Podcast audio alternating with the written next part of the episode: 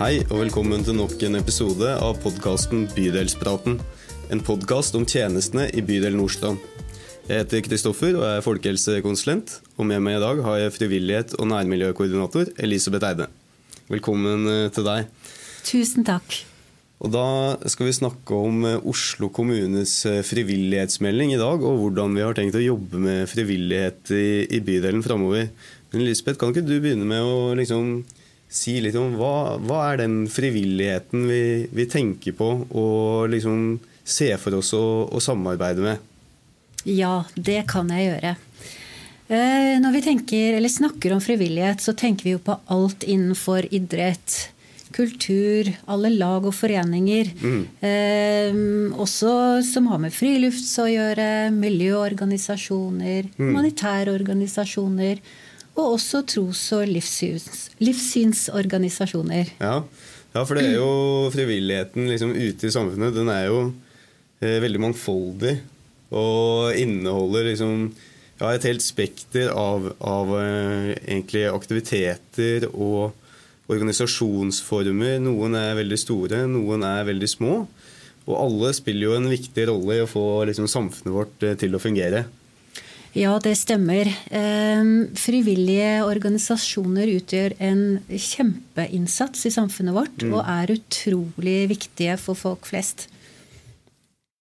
Eh, nå, I dag da, er jo tema for eh, podkasten frivillighetsmeldinga til Oslo kommune. Og det er jo en uh, melding som er sentral for ikke bare vår bydel, det gjelder for, for hele, hele kommunen. Og den eh, kom jo ut for noe tid siden. Kan du ikke si litt om den? Ja. Eh, Oslos eh, frivillighetsmelding kom ut i 2016.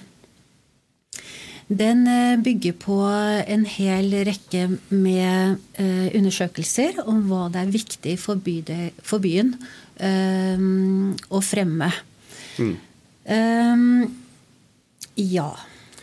Og I den frivillighetsmeldinga for, eh, for, kommunen, så har man eh, definert eh, noen hovedmål. Eller man kan si satsinger som vi i Oslo kommune skal bli, bli gode på. Da, da man tenker samarbeid med, med, frivillighet. Og Det første hovedmålet det er jo at man skal det, legge til rette for at det skal være enkelt å være frivillig. Eh, og det låter jo kanskje litt sånn, sånn selvsagt, men, men, hva betyr egentlig det? Ja, og da må vi ta utgangspunkt i det at de som er frivillige, mm. de gjør dette i sin egen fritid. Eh, de har jo jobber, som oftest, ja. og, og, og, gjør en frivillig innsats i tillegg. Mm. Det betyr at eh, vi skal gi mest mulig rom til at de kan utøve faktisk aktivitet. Ja. Eh, og um, gjøre det enkelt for dem, f.eks. å søke midler. Ja, for vi har jo noen søknadsordninger, både vi i bydelen. Vi har jo frivillighetsmidlene og grønne midler. Men Oslo kommune har jo sentralt også flere potter man kan, kan søke på. Og da det blir eh, flere ulike ordninger, så kan det jo kanskje bli litt vanskelig å orientere seg i det, det terrenget. Ja, det har du helt rett i. Ikke minst når er det søknadsfrister, når er det rapportering etc. Det kan være en utfordring å, å følge med på. Mm. Derfor er det også viktig å gjøre det enklest mulig. Ja. Så ikke lage 100 ulike skjemaer som må graves fram på 100 ulike plasser. Det stemmer. Ja. Og kanskje også ha like, like søknadsfrister, og, og også prøve å og ja, hva skal jeg si legge, Kanskje bare ha noen få utlysninger, og ikke altfor mange. Ja. Eh, det med, det med, penger er jo sentralt, for eh, da man gir eh, tilskudd, så legger man jo til rette for at man kan kjøpe inn ting og leie inn foredragsholdere og liksom skape aktivitet og få ting til å skje.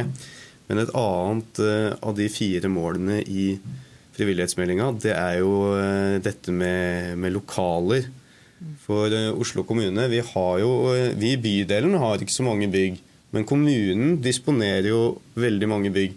Og ofte så er det jo sånn at de frivillige organisasjonene de eh, mangler steder å være. Kan du ikke si noe om liksom den ambisjonen om å på en måte kanskje åpne opp litt? Ja, det er kjempeviktig. Et spørsmål vi veldig ofte får, er jo har dere lokaler vi kan bruke til vår aktivitet eller foredrag eller hva det nå enn måtte være? Som regel har ikke frivillige organisasjoner eh, sitt eget lokale. Nei. Så vi må være behjelpelige og legge til rette for at de kan bruke lokaler hos oss mm. eller andre steder som vi vet om. Ja. Dette gjelder jo også veldig ofte det at um, å leie lokale koster jo penger. Mm. Og det har ofte ikke frivillige organisasjoner så mye av. Nei. Så vi må også legge til rette for at lokalene koster minst mulig å, å, mm. å ja. ja. bruke, da. Ja, og eh, du da som er eh, frivillighets- og nærmiljøkoordinator, du kan jo òg kanskje i mange sammenhenger sette lag og foreninger som har noen eh, lokaler, i kontakt også med andre frivillige. da, Og liksom tipse om at har dere prøvd å, å snakke med, med, disse. Så selv om vi kanskje ikke har så mange lokaler i bydelen selv, så prøver vi jo å hjelpe dem, om ikke annet med kontaktinformasjon. Ja, og det er viktig. Det er viktig å ha en oversikt over hva mm. som fins, og hvem som faktisk har lokaler, og hvor man kan henvise de videre. Ja.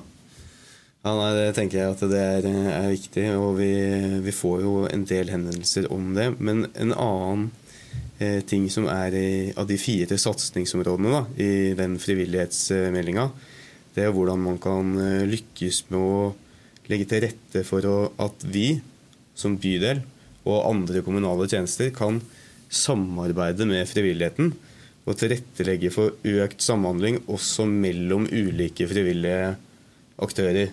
Kan du ikke si litt om hva som på en måte ligger litt i det? Ja, og der er du inne på noe veldig veldig viktig. Min rolle er jo i stor grad å legge til rette. Mm.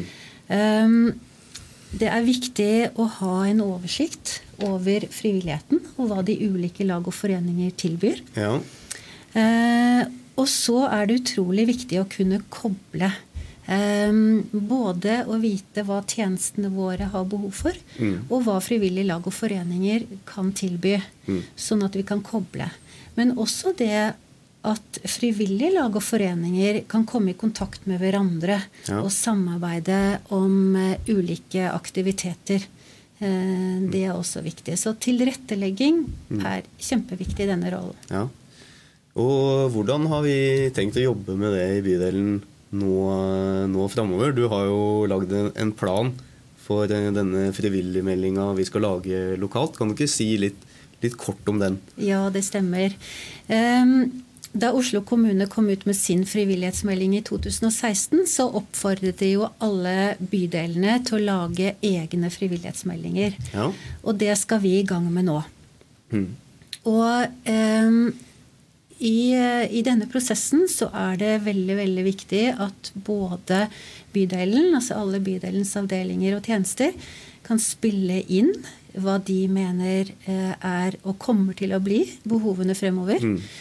Eh, men også at lag og foreninger får en stemme inn, og også kan spille inn hva blir viktig for dem fremover. Og det vil også da eh, i stor grad, sånn som det gjør mange steder, dreie seg om eh, hvordan kommuniserer vi mm. fremover.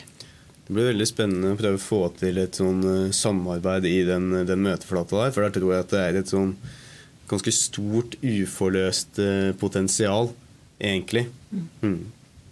Absolutt. Og veldig ofte så får vi jo til eh, veldig mye mer sammen enn vi gjør hver for oss. Så ja. det er viktig å kunne koble. Ja. En, eh, en eh, annen ting i den frivillige meldinga, det er jo at man anbefaler bydelene å opprette en sånn rolle som det du har nå. Mm. En frivillighetskoordinator. Og det at vi har valgt å, å, gjøre det i bydelen, det sier jo også noe om at det, vi har et høyt ambisjonsnivå da, om å bli flinkere til å, å, samarbeide med befolkningen vår. Og skape også mer levende nærmiljø. Mm. For du er jo også nærmiljøkoordinator. Mm.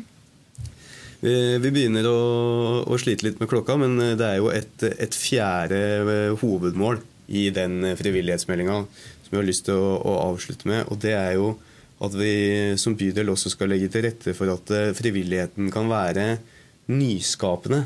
Mm. Og kan du ikke si eh, bare sånn helt kort litt hva, hva betyr egentlig det? Ja.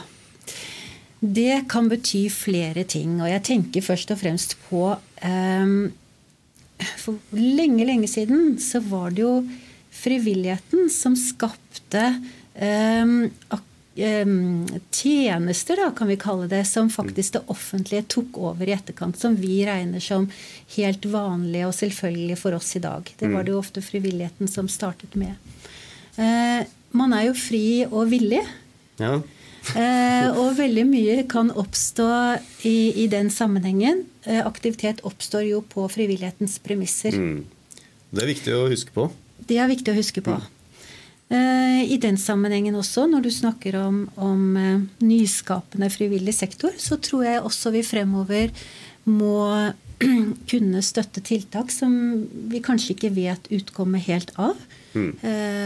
men som kan være innovative, og som kan få lov til å prøve seg. Mm. Så vi må kanskje være sånn villige til å ta litt risiko og på en måte støtte opp om ideer fra lag og foreninger som vi ikke veit kommer til å lykkes. Men hvis noen har en, en, god idé, så kan vi liksom ikke la oss eh, stoppe av det. Helt riktig. Mm. Og det var det vi rakk, eh, Elisabeth. Jeg skulle ønske vi hadde noen flere minutter, men det, det har vi ikke. Så takk for at du kom og deltok i podkasten. Takk skal du ha. Og podkasten Bydelspraten er tilbake om to uker.